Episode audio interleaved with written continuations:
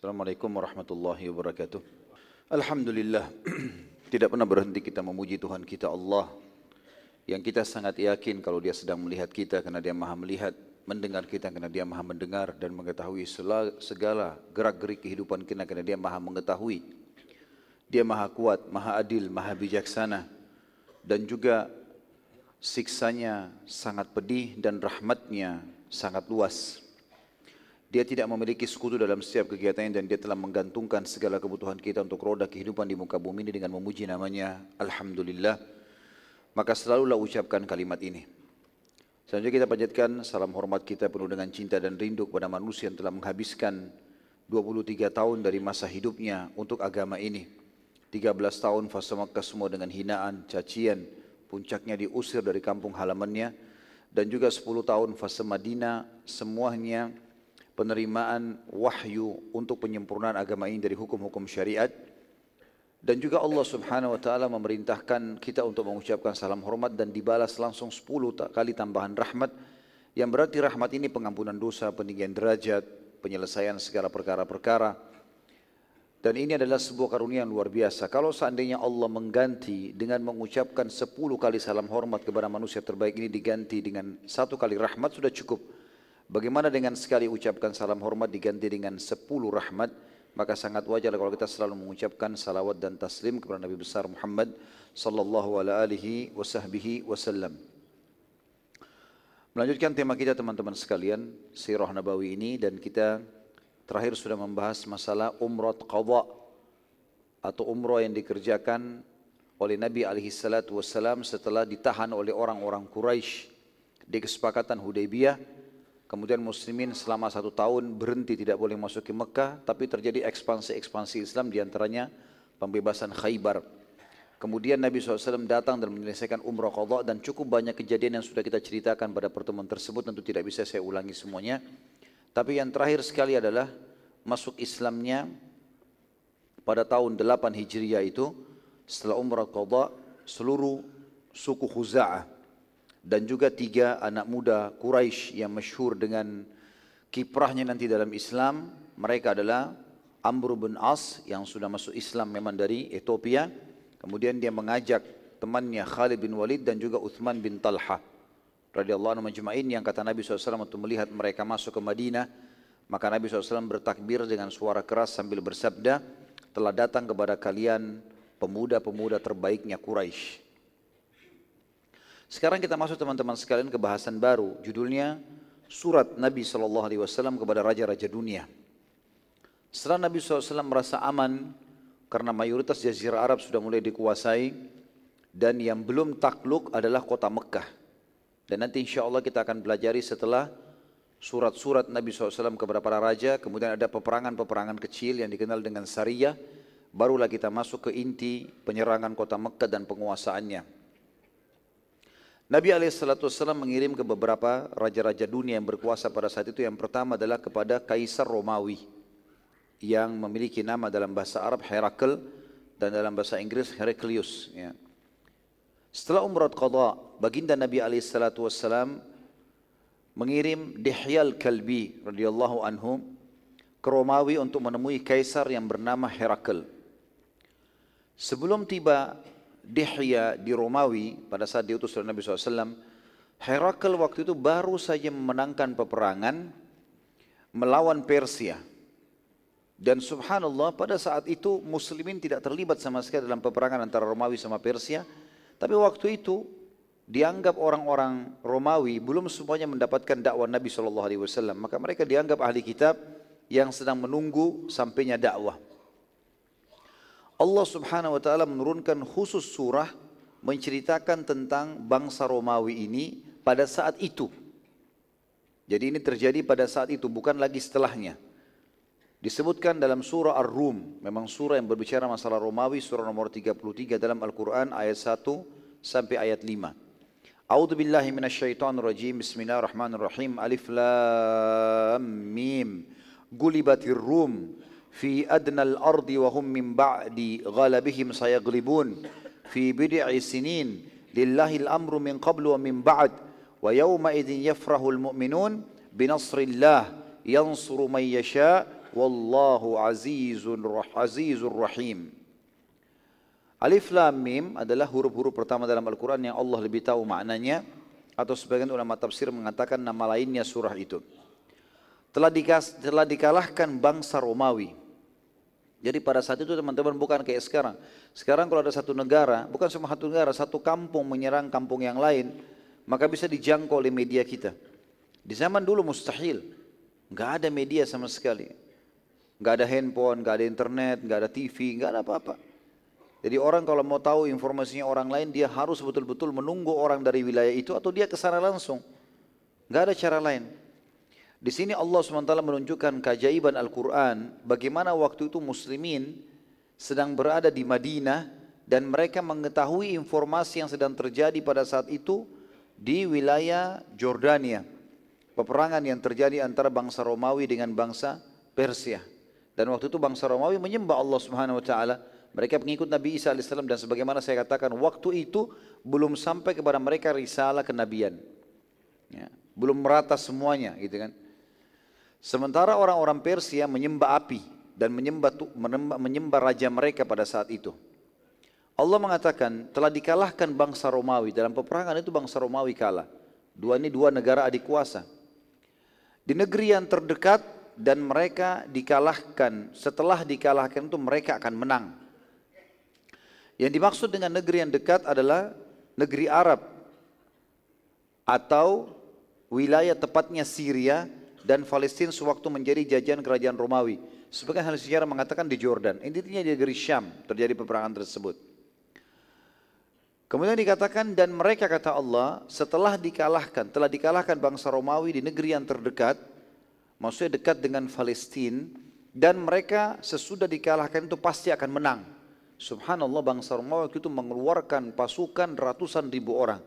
Sebagian ahli sejarah mengatakan mencapai 600 ribu orang, 700 ribu orang. Persia pun menggerakkan pasukan terbaiknya, 516 ribu orang, sama kekuatan. Dan ini terjadi peperangan besar-besaran dan saking banyaknya korban pada saat itu sampai wilayah yang terjadi peperangan dibanjiri oleh darah. Ya, sampai mereka kalau mau keluar dari kancah peperangan mereka seperti menyeberang melewati jenazah-jenazah dan juga darah-darah yang ada saking banyaknya orang yang jadi korban. Jadi peperangan ini yang kalah kayaknya sudah mustahil untuk bisa menang lagi. Tapi Allah Subhanahu wa taala memastikan dengan kejiwaan yang sedang terpukul, dengan jumlah pasukan yang banyak terkalahkan, dengan materi yang banyak terkorbankan, Allah bilang waktu itu bangsa Romawi sangat lemah. Mereka pasti setelah kalah itu akan menang nanti. Dan pada saat itu bangsa Romawi tidak sempat berpikir. Mereka lagi kalah. Tapi Allah bilang mereka akan menang. Dalam beberapa tahun saja kata Allah di ayat empatnya. Bagi Allah lah urusan sebelum dan sesudah mereka menang. Kata sebagian ahli tafsir. 7 sampai kurang lebih 20, eh, maaf. Antara waktu yang ditentukan dalam Al-Quran itu sebagian ahli tafsir mengatakan antara 7 sampai 10 tahun. Ya. Atau ada juga yang mengatakan antara 3 sampai 9 tahun. Dikatakan bagi Allah lah urusan sebelum dan sesudah mereka menang dan di hari kemenangan bangsa Romawi nanti di kemenangan mereka yang kedua bergembiralah orang-orang beriman maksudnya para sahabat karena pada saat itu bangsa Romawi belum semuanya mendapatkan Islam tadi saya katakan dan mereka termasuk orang yang beriman kepada Allah sementara bangsa Persia adalah orang yang menyembah api jadi kalau bangsa Romawi yang menang bangsa Persia yang menang maka kemungkinan besar mereka akan membantai semua orang yang memiliki ketuhanan, ya, meyakini konsep ketuhanan. Ya. Mungkin seperti kurang lebih kayak di Indonesia sekarang dikhawatirkan masalah komunis, karena mereka tidak ada konsep ketuhanan. Jadi kalau mereka menang, maka otomatis semua orang yang beragama mengemani Allah ini atau ada Tuhan, maka itu dibunuh. Itu sudah umum, gitu kan? Seperti itu bangsa-bangsa atau pemahaman yang disebarkan oleh orang-orang sebelumnya. Persia begitu, jadi semua selain penyembah api akan dibunuh oleh mereka. Gitu. Maka pada saat itu kata Allah SWT nanti orang-orang beriman akan gembira dengan menangnya orang-orang Romawi bukan karena mendukung pemahaman Romawi yang mengatakan Allah punya anak. Tetapi pada saat itu mereka beriman antara orang beriman sama orang orang yang memang tidak beriman adanya Tuhan Allah. Nah, ini makna daripada bangsa eh, orang-orang beriman akan menang, akan gembira dengan orang-orang beriman akan gembira dengan menangnya bangsa Romawi. Jadi kalau antum baca surah ini di ayat-ayat pertama jangan sampai salah paham. Jangan seakan-akan kita akan selalu gembira kalau orang Romawi menang. Bukan itu. Karena ayat ini turun pada saat itu. Islam belum sampai kepada mereka secara meluruh. Beda dengan keadaan sekarang. Bangsa Rom masih ada. Bangsa Romawi ada tentunya. ya Sampai sekarang mereka masih ada. Bahkan Nabi SAW menyebutkan tentang malhama kubra akan terjadi ya, peperangan besar antara kalian dengan bangsa Rom. Gitu kan? Jadi memang mereka masih ada. Semua yang mengaku pengikut Nabi Isa AS maka dikatakan mereka bangsa Rum. Kemudian ayat 5 kata Allah, semua itu terjadi karena pertolongan Allah. Dia menolong siapa yang dia kehendaki dan dia maha penyayang. Pada saat itu teman-teman sekalian, dengan hikmah Allah, Herakl yang pada saat itu melihat pasukannya banyak yang kalah, dia merasa terpukul, dia nggak mau masyarakatnya merasa ketakutan, maka dia memotivasi mereka, memberikan hadiah, menyebarkan pelatihan-pelatihan militer pada saat itu untuk mengajak mereka menyerang kembali. Tepatnya 9 atau 10 tahun setelah kekalahan tersebut, maka mereka membentuk pasukan lagi dan Herakl sempat bersumpah kalau seandainya pasukannya menang melawan Persia pada kali yang kedua ini, maka dia akan pergi haji ke Baitul Maqdis dan tentu hajinya orang Nasrani ke Baitul Maqdis. Kita pun di awal-awal Islam dulu, di fase Mekah, sujudnya kaum muslimin menghadap ke Baitul Maqdis. Kiblat kita ke sana. Orang Yahudi pun menjadikan kiblat mereka Baitul Maqdis. Ya. Maka hajinya orang Nasrani sekarang ke sana. Gitu. Mereka pergi ke sana. Mereka anggap itu di sana hajinya. Dia janji, Herakl bersumpah, kalau seandainya menang pasukannya dia akan pergi ke Baitul Maqdis untuk haji dan berjalan kaki bersama dengan para pendeta-pendeta pada saat itu. Dan Herakl betul-betul melakukan itu pada saat dia menang. Ya. Jadi terjadi peperangan akhirnya mereka menang dan saya tidak membahas tentang masalah peperangan Romawi lawan Persia. Intinya Al-Quran mengatakan mereka akan menang dan betul-betul terjadi apa yang Al-Quran sebutkan. Yang saya ingin beratkan teman-teman sekalian pada hari menangnya Herakl terbantaikan sekian banyak pasukan Persia dan Persia waktu itu betul-betul terkalahkan luar biasa sampai mereka sudah seperti orang yang tidak akan pernah lagi berhadapan dengan Romawi karena terkalahkan. Herakl saking gembiranya dia berpesta pada malam itu ya. Kemudian dia berazam untuk pergi ke Baitul Maqdis. Di tengah jalan dia mimpi. Di malam hari di kemahnya dia mimpi. Dia mimpi kerajaannya hancur dikalahkan oleh orang-orang yang bersunat. Orang yang sunat, orang yang khitan. Gitu kan. Begitu mimpi dia. Herakl pada saat itu terkaget bangun kemudian dia memanggil para penasehatnya. Lalu dia tanya masalah perihal mimpi tadi. Apa artinya ini? Kenapa saya mimpi kerajaanku semua hancur dan pasukan yang menyerangku itu tidak bersunat. Ya. Namun tidak seorang pun dari penasehat yang memberikan gambaran kecuali satu orang yang mengatakan kemungkinan besar kerajaan anda akan dihancurkan dalam waktu yang tidak lama oleh orang-orang yang bersunat. Maka Herakl sempat bertanya, siapa orang yang bersunat menurut kalian di muka bumi ini? Kata para pengikutnya, penasehatnya, tidak ada kecuali orang Yahudi. Kami nggak tahu orang yang sunat kecuali Yahudi. Maka Herakl berazam pada saat itu akan membunuh semua Yahudi. Nggak boleh lagi ada Yahudi yang hidup. Subhanallah pada saat dia lagi mempersiapkan pasukannya untuk menghancurkan Yahudi di mana pun Yahudi ada dia mau serang. Harus dihabisin Yahudi ini. Karena dia takut kerajaannya hancur. Ternyata ada salah satu orang turunan Arab. Kebetulan terjadi perselisihan. Waktu dia masuk ke wilayah Herakl di Romawi. Dicurigai dia ini Yahudi atau orang Arab. Dan dia dari kaum muslimin orang ini. Cuma dia tidak mau buat masalah. Karena dia curiga Yahudi, diinterogasi dia tidak mau, dia mengatakan bukan, saya bukan Yahudi, saya orang Arab, dia tidak dipercaya. Maka pada saat itu pun dia ditangkap, pada saat ditangkap diperiksa. Ternyata dia berkhitan. Orang ini berkhitan. Maka dibawa ke depannya Herakl. Wahai Herakl kami menemukan ada orang lain selain Yahudi, selain Yahudi yang bersunat. Maka kata Herakl, dari mana kamu? Dia bilang saya dari Arab. Lalu kemudian Herakl bertanya, pada saat itu kebetulan memang dia ini selain raja juga seorang eh, pendeta. Ya. Maka dia berkata, apa ada sesuatu yang terjadi di negeri kalian? Ada berita besar enggak? Kata dia, iya ada. Telah keluar di antara kami seseorang yang mengaku nabi. Herakl lalu berkata kepada orang tersebut, coba ceritakan kepada saya ciri orang yang mengaku nabi itu. Lalu orang ini pun menceritakan panjang lebar apa pun yang dia tahu tentang Nabi SAW dari sisi khalqiyahnya, ciptaan fisik Nabi SAW dan juga khulukiyah dan akhlak Nabi SAW. Serta syarat-syarat yang dibawa, karena dia seorang muslim, dia ceritakan itu. Herakl lalu berkata kepada orang yang ada di sekitarnya, datangkan kepadaku di negeri Syam ini, karena kebetulan dia sudah jalan, peperangan terjadi di tempat yang sama, di wilayah negeri Syam. Di sekitar Jordania, tempat dia dikalahkan oleh bangsa, bangsa Persia 10 tahun yang lalu. Peperangan terjadi di tempat yang sama, dan menang. Dekat sekali untuk ke Palestina, dia niat jalan kaki menuju ke Palestina. Di tengah jalan, dia mimpi tadi, dia lihat ini kejadian, lalu dia mengatakan, coba datangkan kepada saya siapa pun yang kalian bisa dapatkan dari kafilah orang-orang Arab. Setelah diteliti teman-teman sekalian ternyata ditemukan memang ada kafilah-kafilah Quraisy yang kebetulan lagi ingin belanja ke negeri Syam. Sebagaimana Allah sebutkan dalam Al-Quran di hilatas syita'i was saif. Perjalanan musim dingin dan musim panas. Ini salah satunya ke negeri Syam, salah satunya ke negeri Yaman. Tapi ini negeri Syam, mereka datang mau belanja. Dan kebetulan waktu itu yang pimpin kafilah adalah Abu Sufyan. Masih dalam keadaan kafir Abu Sufyan. Abu Sufyan lalu kemudian dipanggil oleh pasukan Herakl dan dibawa dia dan seluruh kafilahnya menuju ke istana. Herakl waktu itu tidak bisa bahasa Arab. Ya, dia menggunakan bahasa Rum pada saat itu. Herakl bertanya melalui penterjemah. Siapa di antara kalian yang paling dekat jalur nasabnya dengan orang yang mengaku nabi itu? Maka Abu Sufyan berkata, aku. Abu Sufyan ini termasuk kalau dilihat jalurnya sebenarnya masuk dalam sepupu Nabi Shallallahu Alaihi Wasallam.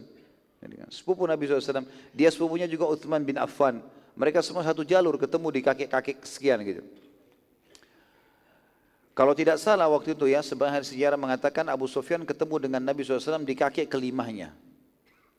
Herakl lalu memerintahkan agar Quraisy semuanya duduk, orang kafilah semua duduk di bagian belakang dan Abu Sufyan di depan sendiri, tidak boleh ada yang di sebelahnya. Lalu Herakl berkata, aku akan bertanya kepadamu, ditunjuk Abu Sufyan. Lalu ia berkata kepada pengikut Abu Sufyan yang ada di belakang, bila orang ini berbohong ataupun salah dalam mengucapkan, maka kalian semua harus meluruskan. Kalau tidak, kalian semua akan saya bunuh. Herakl raja besar pada saat itu. Maka Abu Sufyan berkata pada saat itu dan dia ceritakan setelah dia masuk Islam, dia sampaikan riwayat dan dinukil oleh para ahli sejarah kita. Dia bilang demi Allah, bila aku berbohong pun pada saat itu tidak akan pernah ada satupun dari pengikutku yang ada di belakangku yang berani meluruskan. Karena aku pemimpin mereka. Tapi aku tokoh Quraisy dan sangat memalukan bila aku bohong. Herakl lalu berkata kepada Abu Sufyan bagaimana jalur nasabnya Nabi itu ayahnya, kakeknya pokoknya jalur nasab ke atas Abu Sufyan bilang sungguh dia memiliki jalur nasab yang suci di antara kami terkenal semua dari ayahnya, kakeknya, terus sampai ke atas ini orang-orang yang baik, nggak punya riwayat yang tidak baik gitu. Herakal bertanya lagi, apakah ada yang pernah mengaku nabi sebelumnya di antara kalian? Di suku kalian ini, di suku Quraisy pernah nggak ada yang ngaku nabi? Yang kalian ketahui, kata Abu Sufyan, tidak ada. Tentu saja kenapa dikatakan tidak ada, karena dibahas di sini dari suku Quraisynya. Quraisy nama seseorang bernama Fikhir. Fikhir ini Jauh dari keturunan Nabi, maksudnya turunan Nabi Ibrahim dan Ismail alaihissalam, tapi jauh di bawah. Dan Quraisy mulai disebutkan, diistilahkan dan Quraisy dari orang ini, namanya Fikhir. Berarti mulai Fikhir ke bawah, ada enggak yang mengaku Nabi? Maka kata Abu Sufyan, tidak ada. Kalau yang dimaksud adalah seluruh jalur nasabnya sampai ke atas, perlu ada Nabi. Ada, ada Nabi Ibrahim dan Ismail alaihissalatu wassalam. Maka kata Herakl, apakah kalian pernah menilai dia sebelum mengaku Nabi sebagai pendusta? Pernah nggak ada riwayatnya orang itu di suku kalian satu kali saja pernah bohong? Kata Abu Sufyan tidak pernah. Herakal tanya lagi, apa yang menjadi, apakah yang menjadi pengikutnya orang-orang lemah atau orang-orang terhormat? Kata Abu Sufyan, orang-orang lemah dan miskin. Kata Herakal, apakah jumlah mereka bertambah atau berkurang? Kata Abu Sufyan, bertambah. Herakl berkata lagi, apakah ada pengikutnya yang meninggalkan agamanya setelah menjadi pengikutnya? Ada nggak orang yang datang ngetes-ngetes terus kemudian pulang lagi, keluar lagi dari agamanya? Kata Abu Sufyan, tidak ada. Bahkan Abu Sufyan termasuk orang yang menyiksa muslimin di Mekah. Dia tahu bagaimana orang-orang sampai berani mati untuk agama ini. Gitu. Kata Herakl, apakah ia pernah berkhianat? Kata Abu Sufyan, tidak pernah. Namun sekarang antara kami dengannya ada kesepakatan damai. Ini adalah kesepakatan Hudaybiyah yang kita pelajari kemarin. Ya. Dan aku tidak tahu apakah ke depannya ia akan khianat atau tidak. Abu Sufyan di sini teman-teman berkata, dia ceritakan setelah dia masuk Islam, dia ceritakan panjang dia mengatakan sungguh aku tidak mendapatkan celah untuk menghina Nabi Muhammad SAW kecuali pada masalah ini saja. Jadi semuanya baik ini. Jawabannya jujur, harus jujur. Dia bilang saya tidak dapat celah untuk menghinanya kecuali di sini. Saya bilang sekarang lagi ada kesepakatan. Saya tidak tahu ke depan dia khianat atau tidak. Tapi sebelumnya gak pernah berkhianat. Hanya itu celahnya. Gitu. Herakl bertanya lagi, apakah kalian telah memeranginya? Kata Abu Sufyan, iya. Kata Herakl, bagaimana hasil peperangan kalian dengannya? Kata Abu Sufyan, sekali ia menang, maksudnya perang Badr, dan sekali kami menang, maksudnya perang Uhud. Kata Herakl, apa yang ia perintahkan kepada kalian? Apa dakwanya?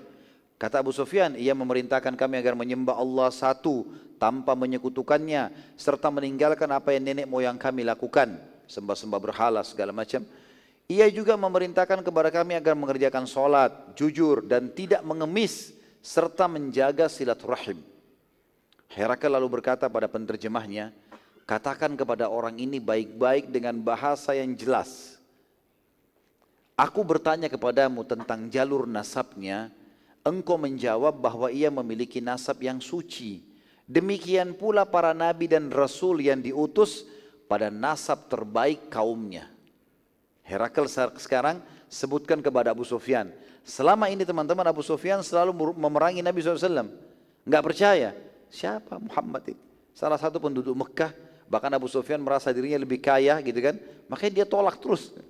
Tapi sekarang Abu Sufyan heran. Herakl ini raja yang selama ini orang Quraisy pun takut dengannya. Ini menyebutkan tentang kenabian Nabi SAW. Kau bilang tadi jalur nasabnya baik? Maka itu semua semua nabi-nabi begitu pasti jalur nasabnya yang terbaik di kaumnya. Aku bertanya kepadamu, apakah ada di antara kalian yang pernah menyatakan hal yang serupa, pernah ngaku Nabi? Engkau menjawab, tidak ada.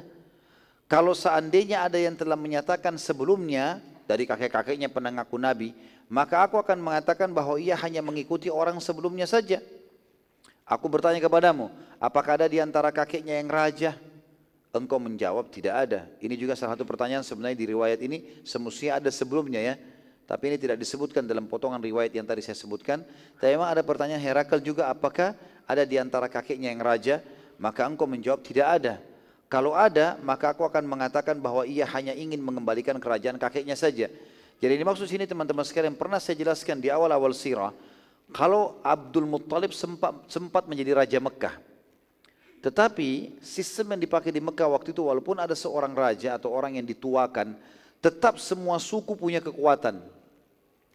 Makanya dikatakan di Mekah itu tidak ada raja khusus.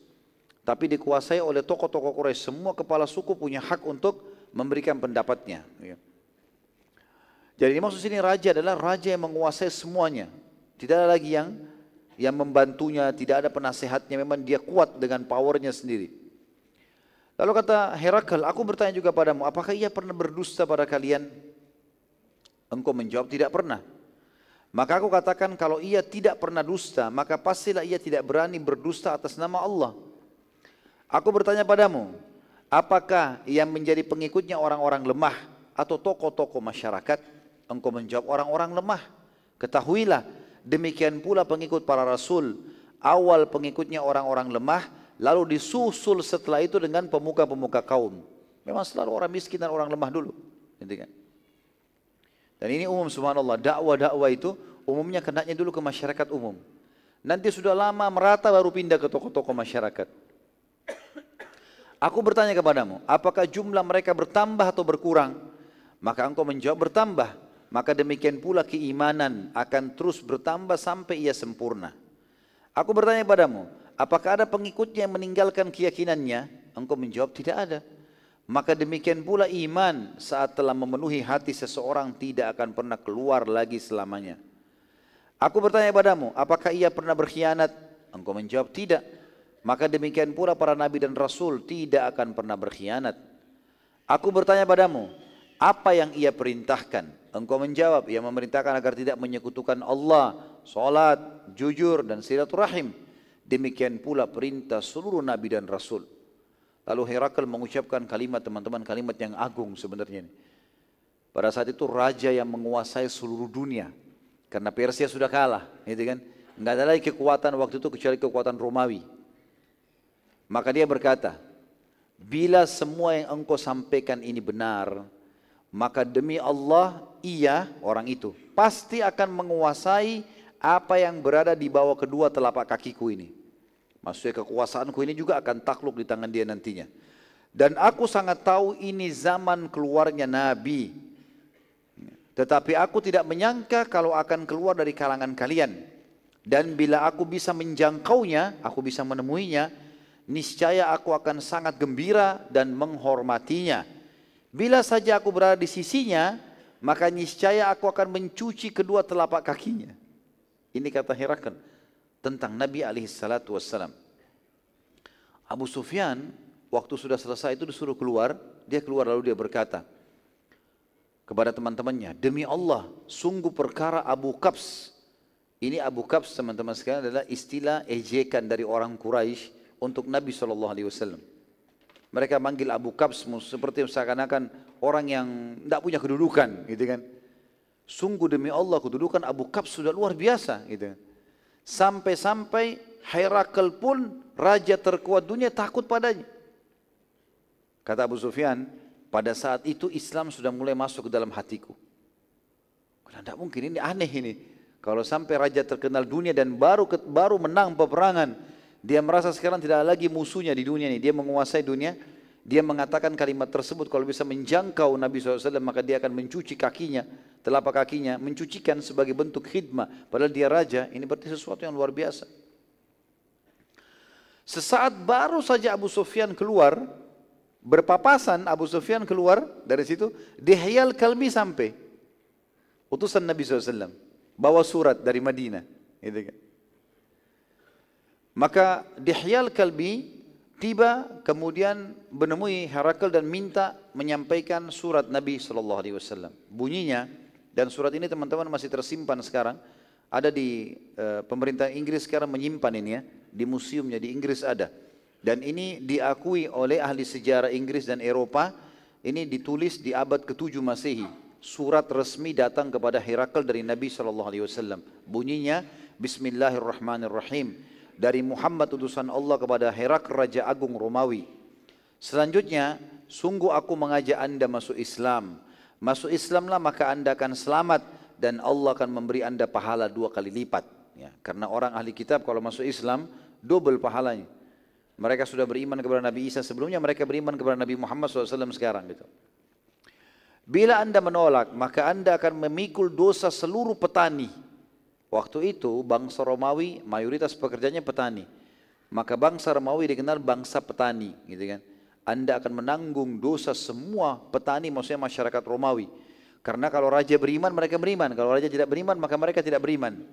Wahai ahli kitab, Al Nabi SAW bacakan ayat. Marilah kita satukan kalimat kita. Ya ahli kitab ta'alu ila kalimatin sawa'im bainana wa bainakum. Ada ayat Al-Quran seperti itu. Wahai ahli kitab, marilah kita satukan perkataan kita sama-sama. Yaitu agar kita menyembah, tidak menyembah selain Allah dan tidak menyekutukannya dengan sesuatu apa pun. Dan janganlah seseorang di antara kita menjadikan yang lain sebagai sekutu bagi Allah. Dan apabila kalian berpaling, maka ucapkanlah kami telah Islam atau menyerahkan diri kepada Allah. Pada saat surat tersebut dibacakan teman-teman sekalian, Herakl gemetaran karena dia baru ketemu sama Abu Sufyan. Dan Dihyal Kalbi tidak tahu tentang kisah ini. Berpapasan saja dengan Abu Sufyan gitu. Herakal gemetaran dan ia lalu segera mencoba memastikan semua sifat Nabi terakhir dan kepada Dihyal Kalbi bagaimana cirinya, bagaimana kulitnya, bagaimana matanya, bagaimana alisnya, bagaimana jalur nasabnya. Apa yang ditanya kepada Abu Sufyan ditanya juga kepada Dihyal Kalbi. Dan subhanallah jawabannya sama. Tinggal masalah kesepakatan Hudaybiyah saja. Ya, pada saat ditanya tadi Abu Sufyan, Abu Sufyan bilang, tidak pernah khianat tapi saya tidak tahu ke depannya. Kalau Dihyal Kalbi menjawab berbeda. Nabi kami tidak akan pernah berkhianat selamanya. Maka pada saat itu teman-teman sekalian, Herakal pun berkata pada Dihya, bawa surat ini kepada Safatir.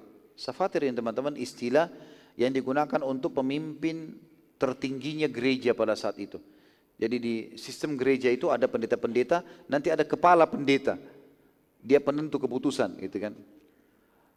Maka dibawalah surat tersebut teman-teman sekalian kepada Safatir. Saat surat tersebut dibacakan kepada Safatir, maka Safatir ini sempat gemetar karena memang dia selalu diskusi sama Herakl kalau ini tanda-tanda yang disebutkan dalam Injil kita akan memenangkan uh, perang sama Persia ada disebutkan dalam Injil dan kita juga akan masuk ke Palestina ini adalah ada disebutkan dan pada zaman itu keluarlah nabi yang harus diikuti. Maka ini bertepatan sekali dengan kemenangan masuk ke Palestina haji menang lawan Persia dan juga datang surat seperti ini gitu kan.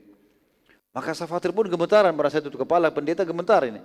Dan bertanya banyak tentang Nabi SAW kepada Dihya Al-Kalbi dan Dihya terus menjawab sampai akhirnya Safatir kehabisan pertanyaan dan terheran-heran karena semua ciri yang disebutkan dalam Injil tentang Nabi terakhir semuanya ada pada Nabi Muhammad sallallahu alaihi wasallam. Sahabat lalu berkata kepada Dihya, demi Allah, aku sangat yakin kalau ini adalah zaman keluarnya Nabi terakhir yang telah kami tunggu-tunggu. Dan aku benar-benar tidak menyangka kalau keluar dari kalangan kalian wahai bangsa Arab. Maka aku menyatakan, Ashadu an la ilaha illallah wa anna Muhammad Rasulullah. Ini malah syahadat si Safatir ini. Ya. Safatir lalu mengumpulkan semua pendeta, sudah azan ya? Oh, baik, sebentar kita selesaikan ya. Safatir lalu mengumpulkan semua pendeta dan mengajak mereka masuk Islam dan menjelaskan tentang tanda-tanda Nabi SAW lalu ia bersyahadat di hadapan mereka. Sebagian besar pendeta tidak mau menerima dan akhirnya mereka membunuh Safatir. Dan ini rahimahullah beliau mati syahid karena sudah muslim pada saat itu. Dia sudah syahadat. Bahkan dia langsung mendakwakan Islam kepada para pendeta-pendeta. Tapi mereka membunuhnya khawatir nanti jangan semua Nasrani mengubah agamanya. Dihya radhiyallahu anhu pada saat mengetahui kejadian pembunuhan Safatir, segera menemui Herakl dan meminta saran. Herakl lalu berkata, sungguh kedudukan Safatir di sisi mereka lebih mulia dibandingkan aku. Kalau Safatir saja mereka tidak dengar bahkan membunuhnya, maka bagaimana dengan aku? Tapi cobalah sabar dulu, aku akan mengatur strategi untuk mengumpulkan mereka. Herakl lalu mengumpulkan semua pendeta di sebuah ruangan dan ia perintahkan agar semua pintu dikunci dan di luar dari luar serta seluruh pendeta harus masuk ke ruangan tersebut dan disiapkanlah prajurit-prajurit yang memegang pedang yang berada di setiap belakang pendeta. Jadi ada puluhan pendeta yang datang dimasukkan dalam satu ruangan. Di setiap belakang pendeta itu ada satu ada satu prajurit yang pegang pedang, tapi tidak memperlihatkan kalau dia siap untuk membunuh para pendeta-pendeta ini kalau menolak gitu. Semua pendeta berkumpul pada saat itu maka Herakl keluar menemui mereka dan membacakan surat Nabi sallallahu alaihi wasallam serta membaca ayat-ayat Injil yang membuktikan tentang kebenaran risalah Nabi Muhammad sallallahu alaihi wasallam lalu Herakl bersyahadat di depan mereka. Jadi raja agungnya Romawi masuk Islam di depan mereka semua. Maka seluruh pendeta kaget karena sekarang raja mereka pun mengikrarkan syahadat. Saat mereka mau melarikan diri dari ruangan ternyata semua sudah terkunci. Jadi pendeta ini mau larikan diri karena kaget kenapa rajanya pun masuk Islam. Maka para pendeta berkata, demi Allah kami tidak akan meninggalkan agama Al-Masih walaupun engkau membunuh kami semua. Melihat kejadian tersebut maka Herakl khawatir bila membunuh semua pendeta malah jadi masalah tengah-tengah masyarakat maka dia pun ya dikatakan dalam buku sejarah lalu cinta dunia mengalahkan imannya. Karena dia baru syahadat. Dia takut nanti kalau pendeta ini dibuka pintu lalu menyebarkan berita kalau raja begitu dan begitu lalu terjadi pemberontakan akhirnya dia jatuh dari kerajaannya padahal dia baru menguasai dunia. Maka dia pun berkata aku hanya mau menguji kalian. Tadinya aku lihat surat itu sudah sampai kepada kekerajaan kita dan aku khawatir malah kalian yang murtad. Maka pertahankanlah agama kalian dan aku bersama kalian. Lalu Herakl memerintahkan para prajurit membuka pintu untuk para pendeta dan pendeta pun memuji Herakl dan berjanji akan setia. Izinkan saya tinggal dua paragraf saja. Setelah semua pendeta pergi, maka Herakl memanggil Dihya al-Kalbi radhiyallahu anhu dan berkata padanya, Aku mengucapkan hal tadi agar kerajaanku tidak hilang. Dan ini hadiah dari aku berupa emas, dikasih emas satu peti, bawalah kepada Nabi sallallahu alaihi wasallam, bawa kepada Nabi dan sampaikan salamku juga, bilang kalau aku tetap dengan keislamanku. Kata Herakl ini. Saat Dihyal Kalbi tiba di Madinah radhiyallahu anhu dan menceritakan kepada Nabi SAW, maka Nabi SAW mengucapkan kalimat yang mulia. Kata beliau, sungguh dia adalah musuh Allah. Herakl, dia telah berdusta. Ia mengucapkannya ya kalimat tadi karena beriman, kemudian dia meninggalkannya justru karena mendahulukan dunia.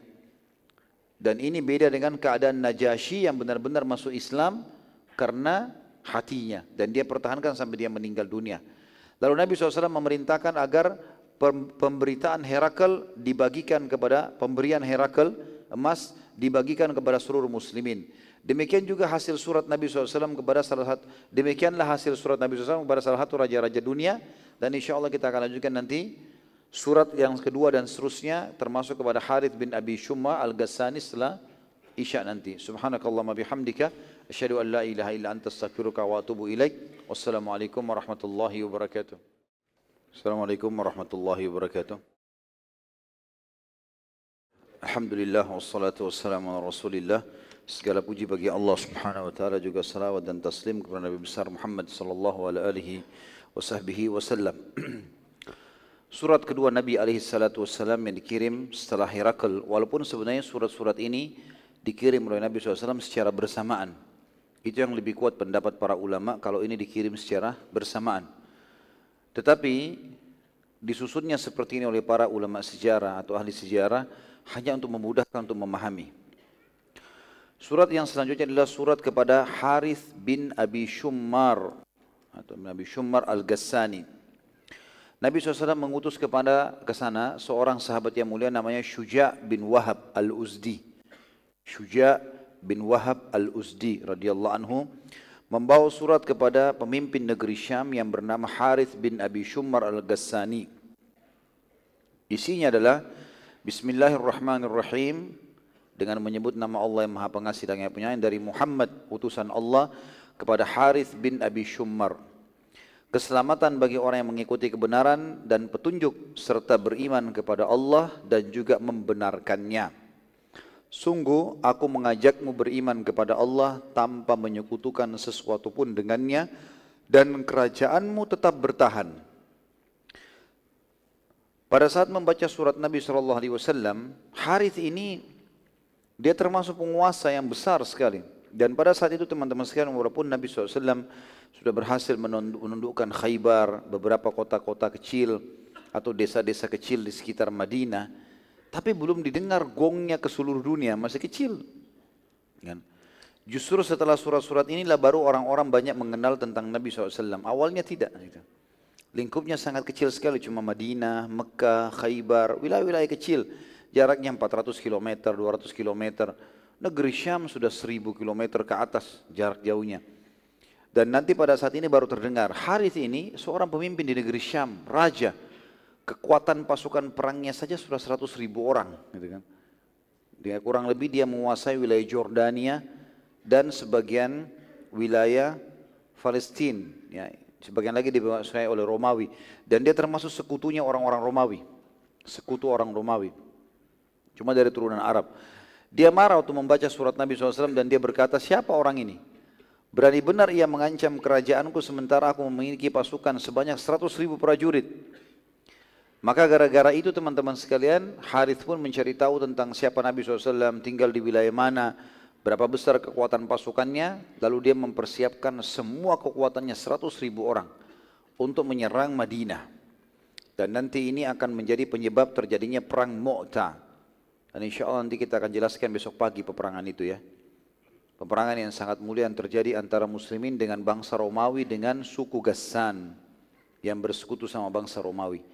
Dan nanti di situ juga kita akan lihat bagaimana pengkhianatan Herakl yang bohong, yang berkata kepada Nabi SAW, berkata kepada Dihya, sampaikan kepada Nabi kalau saya tetap dalam keadaan Islam. Kata Nabi SAW, dia bohong. Dia takut kehilangan kerajaannya. Dari itu terbukti nanti di perang Mu'ta. Karena pada saat Harith ini minta tolong kepada dia, Herakl, Herakl mengirim 100 ribu juga pasukan Romawi. Jadi jumlah mereka 200 ribu yang akan melawan pasukan muslimin yang hanya 3 ribu orang saja. Ya, tapi nanti muslimin akan memenangkan peperangan itu. Tentu nanti kita jelaskan itu. Yang jelas ini surat yang kedua kepada Harith ya, Al-Ghassani bin Abi, bin Abi Shumra Al-Ghassani yang menolak surat Nabi alaihi salatu. Yang ketiga surat Nabi SAW ke Busra. Wilayah Busra, penguasa Busra. Busra ini sebenarnya kalau sekarang masuk uh, ujung jazirah Arab, lebih dekat kepada Irak. Di situ juga dulu ada kerajaan dipimpin oleh Al Harith juga namanya Harith tapi Harith yang berbeda dengan tadi bin Umair Al Uzdi. Maaf, ini dipimpin oleh Shurahbil bin Amr Al Ghassani. Nabi SAW mengutus ke sini, ke Busra, seseorang yang bernama Al Harith bin Umair. Jadi tadi nama yang saya sebutkan awal itu adalah nama sahabat sebenarnya yang diutus Nabi SAW namanya Al Harith bin Umair Al Uzdi ini sahabat Nabi radhiyallahu anhu yang diutus kepada wilayah Busra. Namun di tengah jalan Al Harith ini bertemu dengan Syurahbil bin Amr Al Ghassani ya, yang dasarnya memang dari berkuasa di wilayah itu dan memang dia mendukung kakaknya dia yang Harith tadi yang dari kepala suku Ghassan. Maka dia tahu ini utusan Nabi Shallallahu Alaihi Wasallam, dia pun membunuhnya. Jadi Al Harith bin Umair Al Uzzi dibunuh oleh Syurahbil dan dia mati syahid radhiyallahu anhu dan kejadian inilah nanti akan membuat Nabi SAW menyerang suku Gassan. Ini juga salah satu pemicu nanti terjadinya perang Mu'tah itu. Yang keempat surat Nabi SAW ke Muqaykis, Raja Mesir pada saat itu. Nabi SAW mengirim ke sana Hatib bin Abi Balta'ah radhiyallahu anhu. Kepada penguasa Mesir yang bernama Al-Muqaykis, surat Nabi SAW berbunyi, mirip dengan suratnya uh, ke Herakl karena dia raja Nasrani. Bismillahirrahmanirrahim dari Muhammad utusan Allah kepada Muqaykis raja agungnya Mesir. Selanjutnya atau amma ba'd sungguh aku mengajak Anda masuk Islam, masuk Islam maka Anda akan selamat dan Allah akan memberi Anda pahala dua kali lipat. Bila Anda menolak maka Anda akan memikul dosa seluruh petani masyarakat Mesir karena mayoritasnya memang bekerja jadi petani pada saat itu. Wahai ahli kitab, marilah kita satukan kalimat kita agar tidak menyembah selain Allah dan tidak menyekutukannya dengan sesuatu apa pun. Dan janganlah seseorang di antara kita menjadikan yang lain sebagai sekutu bagi Allah. Dan apabila kalian berpaling, maka ucapkanlah bahwa kami telah masuk Islam atau menyerahkan diri. Muqaykis pada saat membaca surat Nabi alaihi salatu wassalam, ini mirip dengan responnya uh, Herakl. Dia seorang pendeta, dia juga raja, dia tahu ini. Maka dia gembira membaca surat Nabi Shallallahu Alaihi Wasallam. Kemudian dia bertanya banyak tentang Nabi SAW kepada Hatib bin Abi Balta radhiyallahu anhu. Dan Hatib menjawab semua pertanyaan sampai akhirnya. Kata Muqaykis apakah kaumnya sudah memeranginya? Dalam Injil disebutkan itu. Agama yang dibawa oleh Nabi terakhir tidak akan tersebar sampai kaumnya memerangi Nabi tersebut. Dan akhirnya dia memenangkan peperangan maka kata khatib, iya. Memang kaumnya sudah memeranginya, bahkan mengusirnya dari kotanya, maksudnya dari Mekah. Maka Mukaikis berkata, mengapa dia tidak mendoakan kaumnya agar Allah binasakan saja?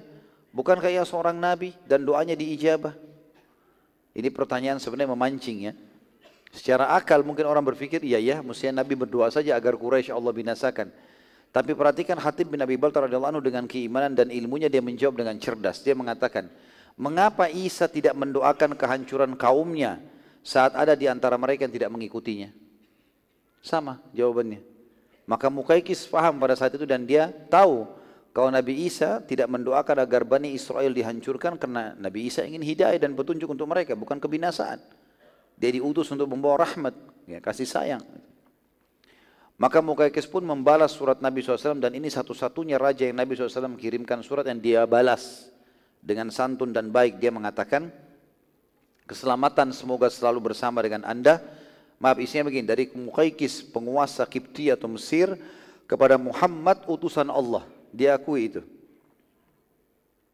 Dan sampai hari ini tentu surat-surat ini masih ada teman-teman sekalian dalam naskah-naskah aslinya ya ditulis di atas kulit-kulit hewan.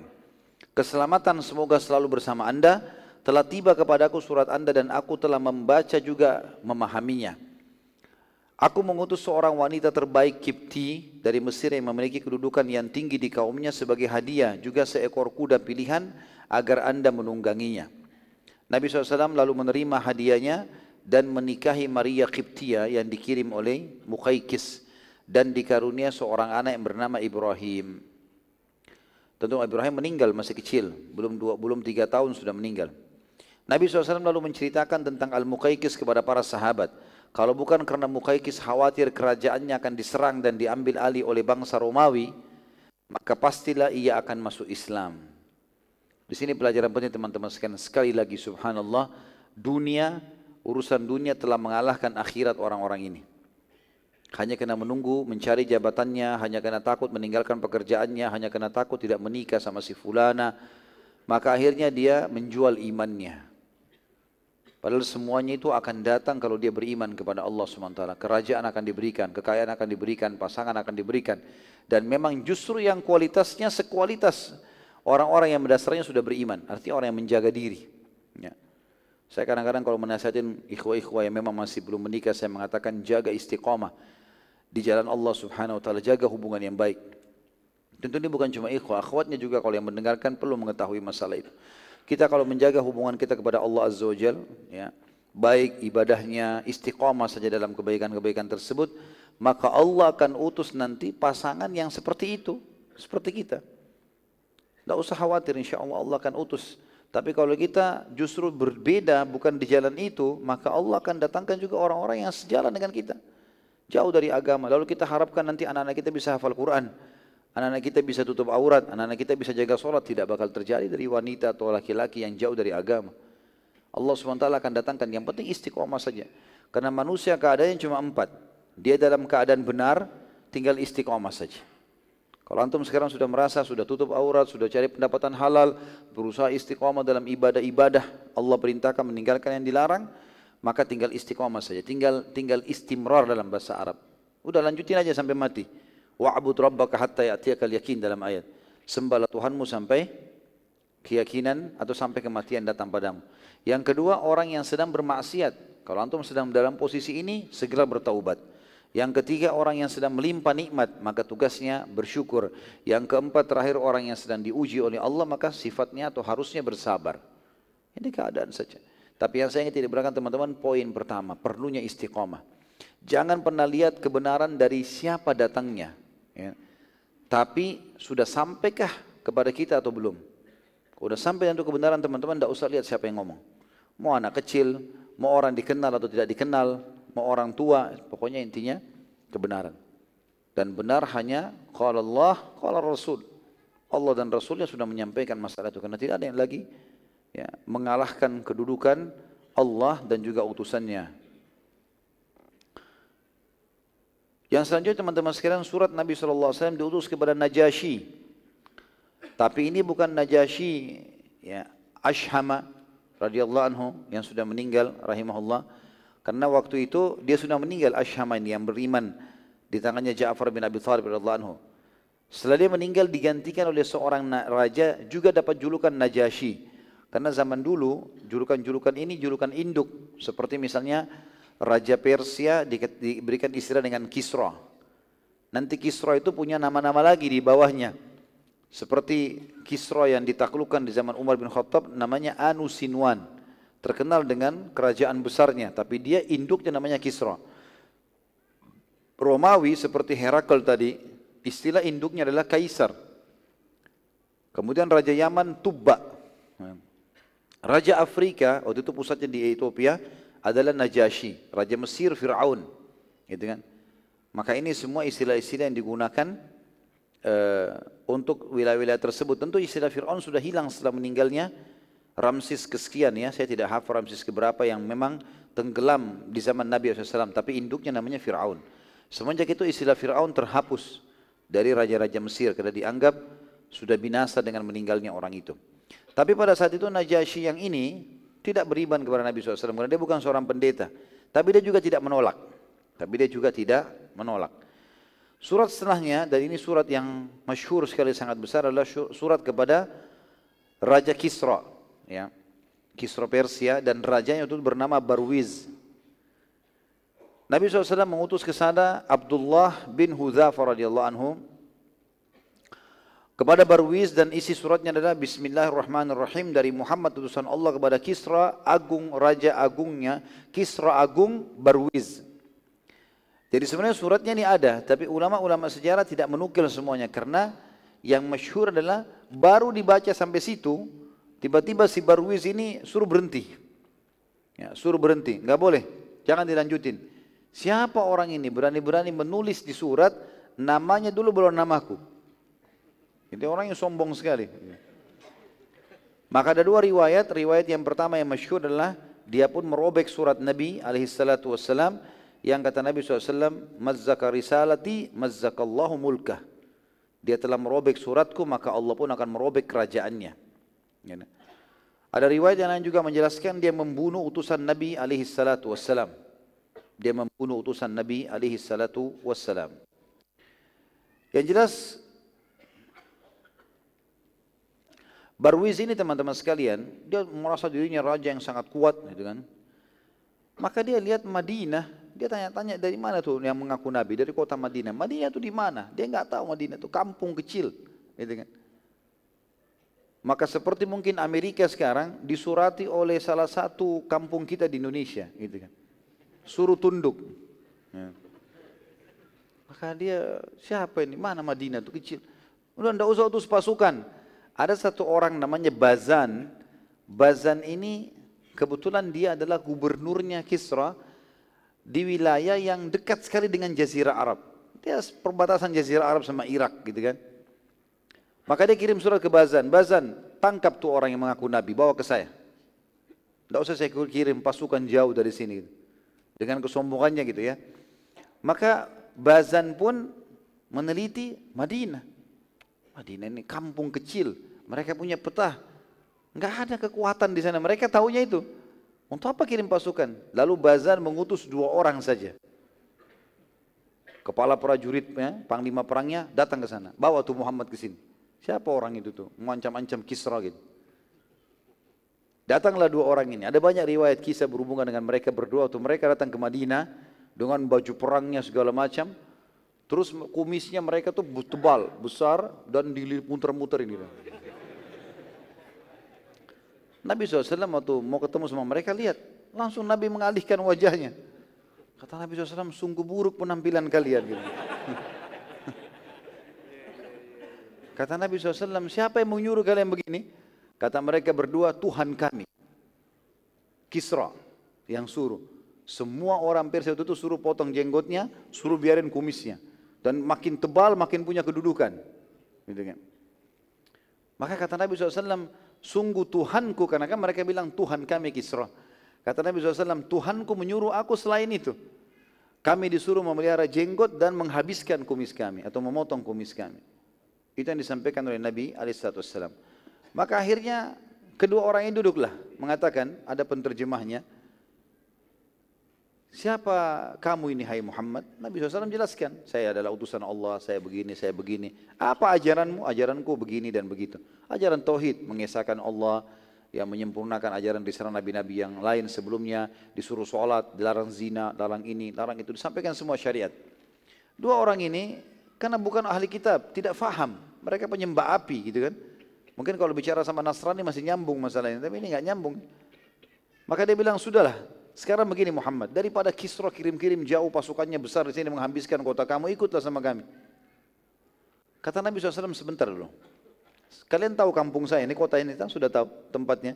Tahu rumah saya, ini rumah saya ini. Ini masjid saya, ini rumah saya. Saya nggak akan ke mana-mana. Kalian mau tangkap saya setiap saat silahkan, bisa. Tapi saya mau sampaikan satu hal dulu. Kalau malam ini, waktu itu kebetulan sudah menjelang malam, mereka tiba, mau istirahat, mereka mau nginap di Madinah waktu itu. Malam ini Tuhanku Allah membunuh Tuhan kalian Barwiz itu. Mati raja kalian malam ini. Kata mereka bro, dari mana kau tahu itu hai Muhammad? Dari Tuhanku. Kalian percaya tidak percaya, tunggu saja. Buktikan sendiri. Kata mereka berdua, itu jawabanmu? Kata Muhammad SAW, iya. Sampaikan ini. Sampaikan ini kepada Bazan yang utus mereka. Maka dua-duanya mengatakan baiklah, masuk akal. Ini kampungnya kecil, tidak akan ke mana-mana. Jazirah Arab, mereka anggap pada saat itu nggak ada apa-apa, gersang, nggak ada hasilnya bagi mereka gitu. Dan tidak sulit untuk mengutus pasukan mencari satu orang gitu. Dia pulang ke Bazan, tapi Bazan ini cerdas. Maka keduanya mengatakan, jawabannya orang yang mengaku Nabi itu Muhammad begini. Katanya Tuhan kita Kisra dibunuh oleh Tuhannya. Gitu kan? Kata Bazan, baiklah kita tunggu. Waktu itu kebetulan teman-teman sekalian, informasi dari pusatnya Kisra, kerajaan Kisra, Madain namanya. Itu untuk sampai ke tempatnya Bazan dua bulan. Jadi kalau ada kejadian instruksi apa dari pusat, itu orang naik kuda, naik unta, pasukan antar dua bulan baru sampai, baru dijalankan instruksi. Begitu. Ada berita apa? Kata Bazan, baik kita tunggu. Kalau betul-betul ada kejadian betul dicatat hari itu, pada malam itu hari apa, mereka tunggu. Subhanallah, dua bulan kemudian betul-betul datang. Dan beritanya seperti yang Nabi SAW sampaikan, bahwasanya Barwis mati di hari itu, di waktu itu, di malam itu. Kata Bazan, sungguh tidak ada yang bisa mengucapkan ini kecuali seorang Nabi. Maka Bazan pun akhirnya beriman. Dan Bazan termasuk teman-teman sekalian Raja rahimahullah yang meninggal dalam keadaan Islam tapi banyak umat Islam yang tidak tahu. Dia adalah gubernur Walau di Jazirah Arab dikenal dengan raja sebenarnya. Tapi dia gubernur yang paling besar, gubernur terbesarnya Kisra. Kemudian surat yang dikirim oleh Nabi SAW selanjutnya kepada Munzir bin Sawi. Munzir bin Sawi ini penguasa Bahrain. Bahrain tentu bukan negeri Bahrain yang sekarang ya. Bahrain dulu wilayah yang cukup luas. Memang di pinggiran Jazirah Arab. Lebih dekat kepada Teluk, tapi pesisirnya cukup, uh, wilayahnya cukup luas. Mundir bin Sawi ini diutus kepadanya oleh Nabi SAW Al-Ala Al-Hadrami. Al-Ala bin Hadrami radhiyallahu anhu. Isi surat Nabi SAW serupa dengan isi surat yang ke Kisra. Mundir cerdas pada saat itu dan dia tidak spontan menolak tapi ia banyak bertanya kepada Ala radhiyallahu anhu untuk ia menjawab semua pertanyaannya. Ala juga memberitakan bahwasanya Najasyi Najasyi maksudnya adalah Asham yang sudah masuk Islam, yang sudah meninggal. Najasyi masuk Islam, ceritanya begini, begini, begini, begini. Diutus kepada sana oleh Nabi SAW seseorang sahabatnya bernama Ja'far bin Abi Talib dan masuk Islam dan dia meninggal dalam keadaan Islam. Nabi SAW sempat sholat di jenazahnya. Bazan, Bazan ini terkenal. Bazan, walaupun dia gubernur Kisra, tapi wilayahnya lebih luas daripada wilayahnya ya Mundir. Jadi Mundir bilang, Najasyi sudah masuk Islam, Bazan sudah masuk Islam, Bahkan disebutkan oleh Al-Hadrami dan suku fulan, suku fulan, suku fulan. Di Jazirah Arab yang diketahui oleh Mundir ini dia tahu suku-suku itu. Termasuk kaum Yahudi yang ada di Khaybar sudah dikalahkan semuanya. Tinggal yang belum ditaklukkan hanya Mekah saja. Maka setelah memastikan semua itu, Mundir pun akhirnya masuk Islam. Mundir pun bin Sawi masuk Islam dan mengajak seluruh warganya masuk Islam dan bagi yang tidak mau masuk Islam maka dipungut darinya jizyah. Mundir yang ambil jizyah dikirim kepada Nabi alaihi salatu wassalam. Berarti sudah ada dua nama yang memimpin pada saat itu masuk Islam. Bazan dan Mundir bin Sawi rahimahumullah. Kita tentu tidak, sebenarnya lebih tepat kita bilang rahimahullah karena tidak sempat bertemu dengan Nabi alaihi salatu wassalam. Karena definisi sahabat yang biasa kita doakan radhiyallahu anhu walaupun ini doa bisa kita ucapkan pada siapa pun ya, tapi termasuk mendudukkan posisi para sahabat pada tempat yang lebih mulia daripada orang lain adalah kita mengatakan radhiyallahu anhum. Karena mereka tidak pernah melihat Nabi SAW, sementara definisi sahabat adalah harus melihat Nabi. Harus melihat Nabi dengan mata kepala, beriman pada beliau dan juga meninggal dalam keyakinan Islam. Baru dikatakan seorang sahabat. Surat selanjutnya adalah surat Nabi SAW ke penguasa sebagian wilayah Yaman. Waktu itu Yaman terbagi dua. Sebagiannya dikuasai oleh Al-Harith Al-Humairi. Nabi SAW mengutus ke sana Muha, Muhajir bin Umayyah al-Makhzumi. Muhajir bin Umayyah al-Makhzumi. Muhajir bin Umayyah al-Makhzumi anhu ini diutus kepada Al-Harith al-Humairi. Jadi Al-Humairi ini nisbat kepada sukunya, sukunya namanya Himyar, ya, suku Himyar. Pada saat mendengar surat Nabi SAW tiba kepadanya, belum sempat dibaca, dia tolak. Langsung dia tolak. Karena dia tahu Madinah bagi dia juga kecil. Udahlah, tidak usah beriman. Selesai, disuruh pulang saja utusan Nabi SAW. Belum baca suratnya sudah ditolak. Gitu kan. Tentu waktu itu Yaman teman-teman sekalian dibagi dua ya, setengahnya dikuasai oleh Persia, setengah dikuasai oleh orang ini. Surah selanjutnya datang kepada Hawdah bin Ali Al-Hanafi. Hawdah bin Ali Al-Hanafi. Ini penguasa wilayah Yamamah. Nabi SAW mengutus ke Hawdah bin Ali Al-Hanafi ini seorang sahabat beliau namanya Sulaik bin Amr. Sulaik bin Amr radhiyallahu anhu dan Hawdah ini juga termasuk suku Arab yang memiliki kurang lebih 100 ribu personil perang. Jadi itu memang militernya sejumlah itu. Surat Nabi saat surat Nabi SAW dibaca di hadapannya maka Hauda tertarik dan ia sudah mendengar juga mengumpulkan informasi perkembangan Islam maka ia berkata kepada Sulaik sebagai respon dari surat Nabi SAW, sampaikan kepada Muhammad, kalau aku akan beriman pada risalahnya, demikian pula seluruh kaumku. Tapi ada syaratnya. Syaratnya adalah kalau Muhammad wafat, aku jadi penggantinya. Pada saat surat atau balasan tadi, berita tersebut tiba di Nabi SAW di Madinah, maka kata Nabi SAW, semoga Allah melaknatnya. Dia hanya mau beriman karena kekuasaan saja. Nabi SAW lalu berdoa, Ya Allah cukupkanlah aku dari keburukan orang ini atau haudah. Maka haudah pun meninggal tiga hari setelah doa Nabi SAW. Dan ini tentu teman-teman sekalian ada satu sebab ya, bukan begitu saja ya. Haudah tadinya memang diberitakan kepada Nabi SAW melalui wahyu. Kalau orang ini sebenarnya hanya ingin menunggangi ketegangan Islam, kan dia sudah dengar. Surat-surat Nabi SAW ini semua tiba ke Herakl, tiba ke sana, tiba, dia dengar rupanya. Maka dia mau tunggangi ketenaran itu, gitu kan. Maka dia mau tulis, tersur, tertulis dari Nabi SAW, kalau saya akan beriman dengan kaum saya, tapi berikan kepada saya kedudukan. Setelah kau meninggal, hai Muhammad, saya jadi pemimpin. Maksudnya diobatkan juga saya jadi nabi, jadi raja, terserah. Gitu. Maka Nabi SAW pun akhirnya mendoakan dia keburukan karena dia sudah niat juga pada saat itu kalau Nabi SAW tidak terima permintaannya, utusan Nabi SAW pulang dalam beberapa hari, tiga atau empat hari dia akan menyerang Madinah. Maka Nabi SAW mendoakan supaya Allah mengambil alih haudah. Maka betul-betul tiga hari kemudian dia meninggal dunia. Kemudian selanjutnya surat Nabi SAW kepada penguasa Oman, wilayah Oman, yang bernama Jaifar bin Abdu. Jaifar bin Abdu. Ya. Jaifar bin Abdu ini diutus kepadanya Nabi oleh Nabi SAW Amr bin As radhiyallahu anhu. Maaf uh, bukan bukan Jaifar bin Abdu ya Jaifar dan Abdu. Adik kakak ini. Jaifar dan Abdu. Ya.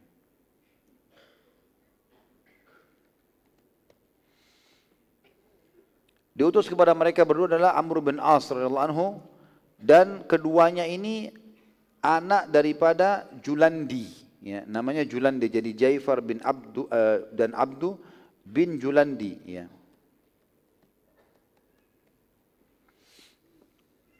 Amr bin As di masa jahiliyah radhiyallahu anhu di Mekah memang dia seorang duta dan sudah terbiasa menghadapi para utusan-utusan. Kalau teman-teman masih ingat bagaimana dia pada saat ingin menarik muslimin agar bisa pulang ke Mekah, dia memberikan hadiah-hadiah, kepada para pendeta, kepada Najasyi, tapi dia tentu tidak berhasil waktu itu ya. Maka dia tahu strategi bagaimana haragi para pemimpin. Amru tidak langsung menyampaikan surat Nabi SAW kepada Jaifar dan Abdu, tapi ia tinggal beberapa hari dan berbaur dengan masyarakat Oman sambil mengumpulkan informasi detail tentang kedua raja Oman tersebut dan sifat-sifat keduanya, kesukaan keduanya, hal-hal yang dibenci dan yang lainnya. Setelah memastikan semua informasi sudah lengkap, maka Amru bertanya kepada masyarakat Oman, siapa di antara kedua raja ini yang paling baik, artinya yang mungkin mudah untuk bisa di, diberikan masukan. Maka mereka menjawab Abdu. Ya, dari dua adik kakak ini, ternyata Jaifar dan Abdu, Abdu yang lebih baik, lebih lembut. Maka Amru pun memulai mendatangi Abdu dan membacakan surat Nabi SAW dan bila ia beriman maka seluruh kerajaan dan kekuasaannya tetap hanya saja hukum yang diterapkan adalah hukum Islam. Kerajaan tetap, semua tetap, tapi Islam yang diterapkan. Abdul itu sempat sangat marah dengan surat Nabi SAW dan berkata, berani benar dia mengancam kerajaanku. Apa yang bisa ia lakukan untuk mengalahkan kekuasaanku? Maka raja Dia merasa kenapa harus tunduk dengan seseorang yang tidak dikenal. Amr bin As waktu itu sangat cerdas dia mengatakan, ia tahu bahwasanya menghadapi orang seperti Abdu, emosional, punya kerajaan, butuh kecerdasan, maka Amr berkata, bila surat ini tidak bermanfaat bagimu, maka kami tidak perlu, ya, karena telah masuk di bawah hukum Nabi kami, banyak raja-raja, di antaranya Najasyi. Jadi ternyata Oman ini sering kali interaksi masalah bisnis, masalah peradaban, masalah apalah ya politik itu selalu patokannya Najasyi. Ada beberapa wilayah ikuti Persia, ada beberapa wilayah ikutin Romawi, tapi ini enggak ini ikutin Najasyi. Maka kata Amr bin As, kalau anda tidak bermanfaat surat ini tidak ada masalah. Tapi perlu anda tahu, kalau yang sudah ikut pada Nabi kami ini adalah Najasyi, disebutkan raja yang dia kagum gitu. Abdu kaget, Najasyi masuk Islam. Kata Amr, iya. Abdu bertanya lagi kepada Amr, engkau berdusta. Kata Amr, saat Najasyi masuk Islam, aku lagi ada di sisinya. Dan aku sendiri dulunya adalah orang kafir kepada Muhammad. Tapi aku masuk Islam justru karena melihat Najasyi masuk Islam. Amr lalu berkata setelah itu, bukan hanya Najasyi, tapi Bazan pun sudah masuk Islam. Bazan juga termasuk orang yang disegani, Jazirah Arab. Abdul lebih kaget lagi lalu berkata, Bazan masuk Islam, bukankah Bazan penyembah api? Kata Amr, iya. Abdul bertanya lagi, lalu Kisra buat apa? Bukankah Bazan di bawah hukumnya? Kata Amr, Kisra tidak berbuat apa-apa, bahkan tidak bisa berbuat apa karena dia sudah mati. Gitu. Ya. Abdul bertanya lagi, bagaimana dengan Kaisar Romawi, Herakl? Amr menjawab, ia tidak beriman dan juga tidak menolak. Ya. Abdul tahu masalah Herakl seperti apa yang disampaikan oleh Amr tadi. Maksudnya Abdul, Abdul sudah tahu kalau Herakl pernah beriman, tolak. Ah, ini tidak beriman, tidak juga ini. Ya. Abdul lalu berkata, beri aku waktu untuk berfikir berapa hari. Dalam beberapa hari tersebut Abdul berusaha menjelaskan kepada saudaranya Jaifar. Ia berkata, lebih baik kita masuk Islam dan kerajaan kita tetap jaya daripada kita dikalahkan dan hilanglah semuanya. Siapa yang siapa yang bisa melawan raja-raja besar yang telah menganut Islam? Apalagi kerajaan dan kekuasaan mereka tetap di tangan, apalagi kerajaan dan kekuasaan tetap di tangan kita. Kita cuma mengucapkan syahadat, terapkan hukumnya Muhammad, kerajaan tetap seperti ini, tidak ada yang berubah. Abdul terus meyakinkan saudaranya sampai akhirnya Jaifar menerima Islam dan akhirnya keduanya masuk Islam dan mengiklankan keislaman mereka. Demikian pula seluruh masyarakat Oman waktu itu masuk Islam. Ya. Setelah Allah SWT yang maha mulia Amr bin As adalah penyebab masuk Islamnya kedua raja tersebut serta juga seluruh wilayah Oman dan ini juga keutamaan bagi dai-dai yang bersabar dan dalam menyampaikan dakwah butuh strategi. Tidak boleh orang asal begitu saja. Dia harus punya strategi dalam menyampaikan dakwah, dia susun materinya, dia menggunakan retorikahnya, dia memilih waktu dan tempat yang tepat gitu kan. Maka itu semua teman-teman sekalian sangat membantu untuk dakwah. Ada orang bisa dihadapi dengan hanya satu hadis, ada orang dihadapi dengan sepuluh hadis, ada orang dihadapi mungkin dengan seratus hadis. Allahu a'lam. Ya, ada orang juga memang membangkang rasanya tidak mau. Dan Nabi SAW sudah mengajarkan bagaimana menghadapi orang-orang ini, terutama kita ambil pelajaran dari para sahabat beliau, Ridwanullahi alaihim. Dan bagaimana kejelian dan kecerdasan Amr di sini berhasil mengatur strategi jitu untuk menyampaikan dakwah. Keduanya tetap jadi raja sampai meninggal dunia, barulah Nabi SAW menentukan gubernur di Oman. Setelah keduanya meninggal, barulah Nabi SAW tunjuk penggantinya. Subhanallah ini semua efek daripada kesepakatan Hudaybiyah. Kalau kita review kembali teman-teman sekalian, waktu sampai kesepakatan Hudaybiyah, jumlah umat Islam waktu itu masih sangat sedikit sekali, sekitar 1.400 orang yang ikut bersama Nabi SAW waktu itu kesepakatan Hudaybiyah ya. Waktu itu terjadi satu tahun tidak ada ribut sama Quraisy. Penyebab utama dakwah terhalangnya sudah ditutup. Kesepakatan satu tahun. Satu tahun itu Nabi SAW gerilya. Ya, di antaranya mengalahkan Yahudi Khaybar, di antaranya menyuruh mengirim surat-surat ini sehingga tersebar sana sini. Dan spontanitas waktu itu sudah ada raja-raja besar yang masuk Islam sebagaimana sudah kita sebutkan tadi. Dan mereka punya kepasukan. Kalau Nabi SAW, mereka sudah masuk Islam, Nabi ajak mereka kan ikut berperang. Itu kan, otomatis itu. Ini semua kesepakatan Hudaybiyah yang tadinya banyak sahabat-sahabat yang menganggap kesepakatan Hudaybiyah adalah penghinaan untuk umat Islam termasuk Umar radhiyallahu anhu. Nah, itu pernah kita ceritakan, masih ingat gak? Allahu a'lam. ingat atau enggak. Baiklah. Ya itu tuh Umar sempat mengatakannya Rasulullah, bukankah Quraisy salah? Benar. Bukankah kita benar? Iya benar. Kenapa kita enggak perangi ya Rasulullah?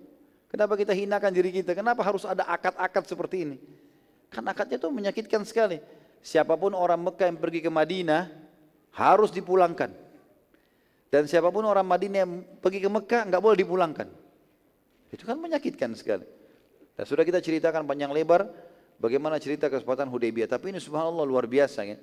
Pada saat dakwah itu tidak diganggu, maka akan tersebar luar biasa. Gitu. Pengganggu-pengganggu ini banyak memang sering melakukan hal-hal yang buruk ya. Perdamaian dengan Quraisy yang merupakan musuh utama Islam membuka semua pintu dakwah. Hampir seluruh wilayah dunia menerima Islam bahkan tanpa peperangan dengan surat saja. Tadi bayangkan wilayah Oman masuk Islam semuanya. Wilayahnya Bazan masuk Islam semuanya, gitu kan. Jadi mereka banyak walaupun ada yang tolak, sudah umum itu. Kita kalau berdakwah teman-teman ada yang terima, ada yang tolak itu sudah umum. Rasulullah SAW aja gitu, apalagi kita gitu. Walaupun antum hafal 30 juz Al-Quran, antum punya retorika yang sangat luar biasa, tetap ada yang nolak. Sudah umum itu.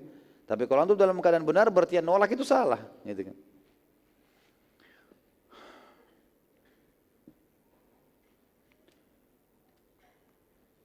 Pelajaran penting yang bisa kita ambil dari surat-surat Nabi alaihi salatu wassalam. Yang pertama teman-teman sekalian, agama Islam pasti menang. Walau tidak ada yang meyakininya. Karena agama ini dari sang pencipta. Bila anda tidak beriman dan mengamalkannya, maka sang pencipta akan mendatangkan dan menciptakan makhluknya yang akan beriman dan mengamalkan syariatnya. Itu pasti. Jadi sebenarnya dengan berimannya kita teman-teman sekalian yang beruntung kitanya.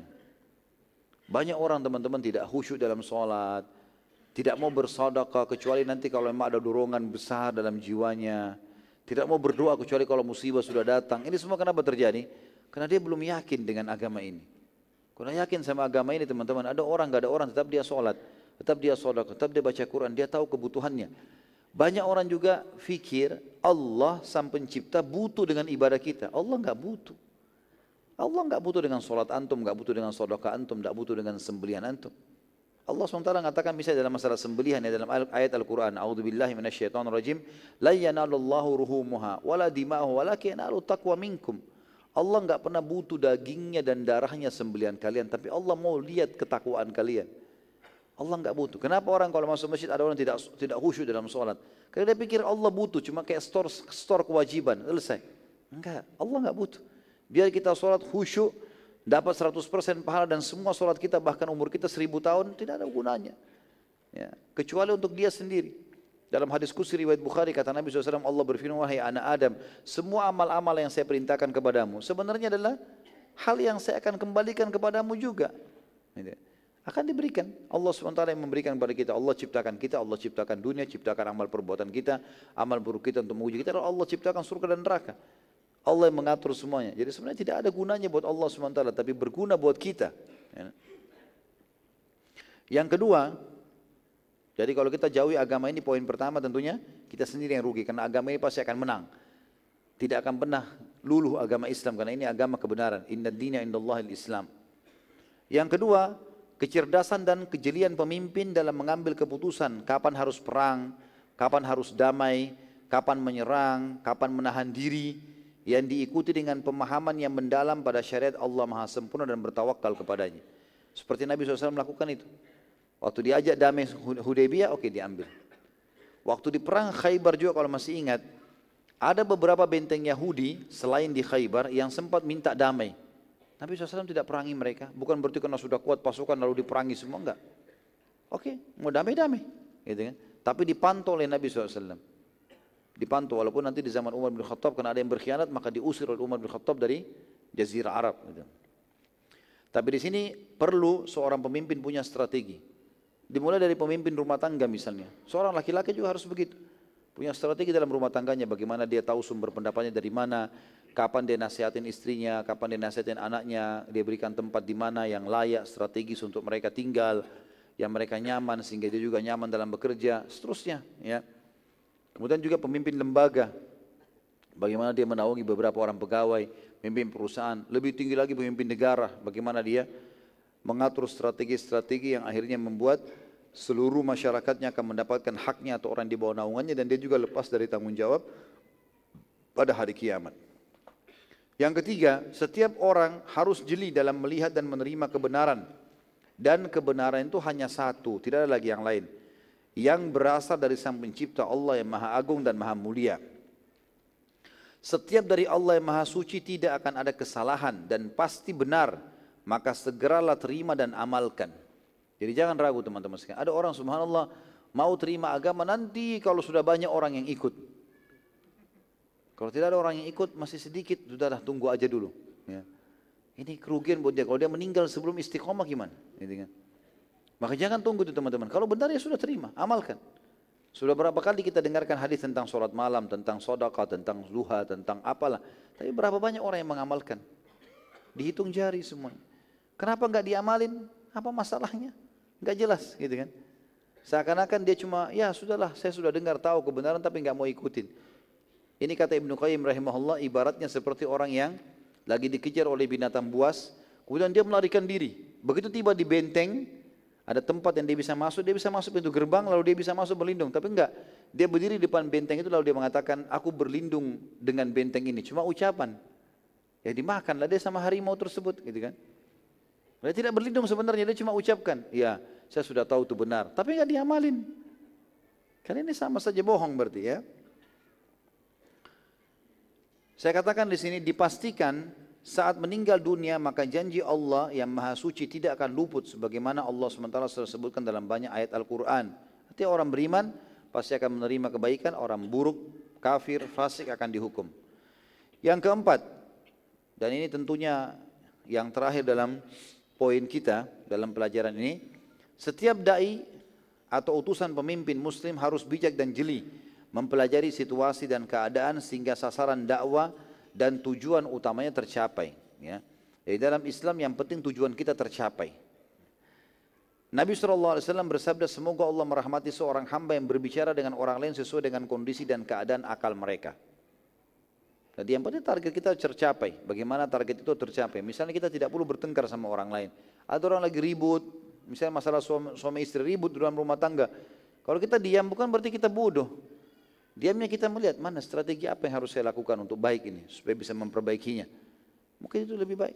Atau orang lagi bertengkar ditinggalkan untuk mengatur sebuah strategi supaya bisa memperbaiki keadaan atau atau atau segalanya ini semua adalah poin penting untuk memikirkan bagaimana mengatur sebuah strategi supaya bisa semuanya berjalan itu bagus sekali. Ya. Saat termasuk kita keluar rumah misalnya sederhana, mau pergi satu tempat, kita lagi pikirkan jalan mana yang terdekat nih, oh jalan sini, itu sebuah strategi yang bagus sekali. Gitu kan. Jadi sangat bagus kapan waktu, kapan tempat, berteman sama siapa, semua harus jeli sekali. Terutama dalam masalah dakwah ini sangat penting karena berpengaruh dalam penyebaran agama Allah subhanahu wa ta'ala. Allahu a'lam. Ini bahasan kita insya Allah pada malam ini berhubungan dengan masalah surat-surat Nabi SAW kepada pemimpin-pemimpin dunia. Dan insya Allah kalau saya makasih waktu kalau memang ada yang mau bertanya sekitar 10-15 menit sesuai dengan tema. Kalau tidak ada, maka insya Allah kita akan lanjutkan setelah materi besok kita akan buka pertanyaan. Besok insya Allah kita akan mulai agak pagi. Jam berapa? Jam 9 ya. ya. Insya Allah kita akan mulai dan kita akan selesai nanti sampai uh, duhur insya Allah. Begitu saja insya Allah kita akan bertemu lagi pada pertemuan kita besok. Mungkin begitu saja insya Allah kita berdoa kepada Allah SWT semoga majlis kita diberkahi olehnya dan dijadikan sebagai tambahan amal kita pada hari kiamat.